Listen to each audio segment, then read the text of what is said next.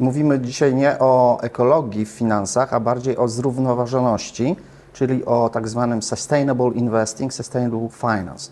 Co się pod tym kryje? To jest szereg e, działań instytucji finansowych, które zmierzają do tego, że finansowanie poprzez kredyty czy poprzez e, inwestycje będzie przekierowywane w stronę e, zrównoważonych środowiskowo i społecznie projektów. Czyli nie mówimy tylko o aspekcie ekologicznym, jak się tak potocznie myśli, ale też o zbiorze różnego typu czynników i, i projektów, które mają zmierzać do poprawy standardów życia właśnie w tych, tych dwóch obszarach.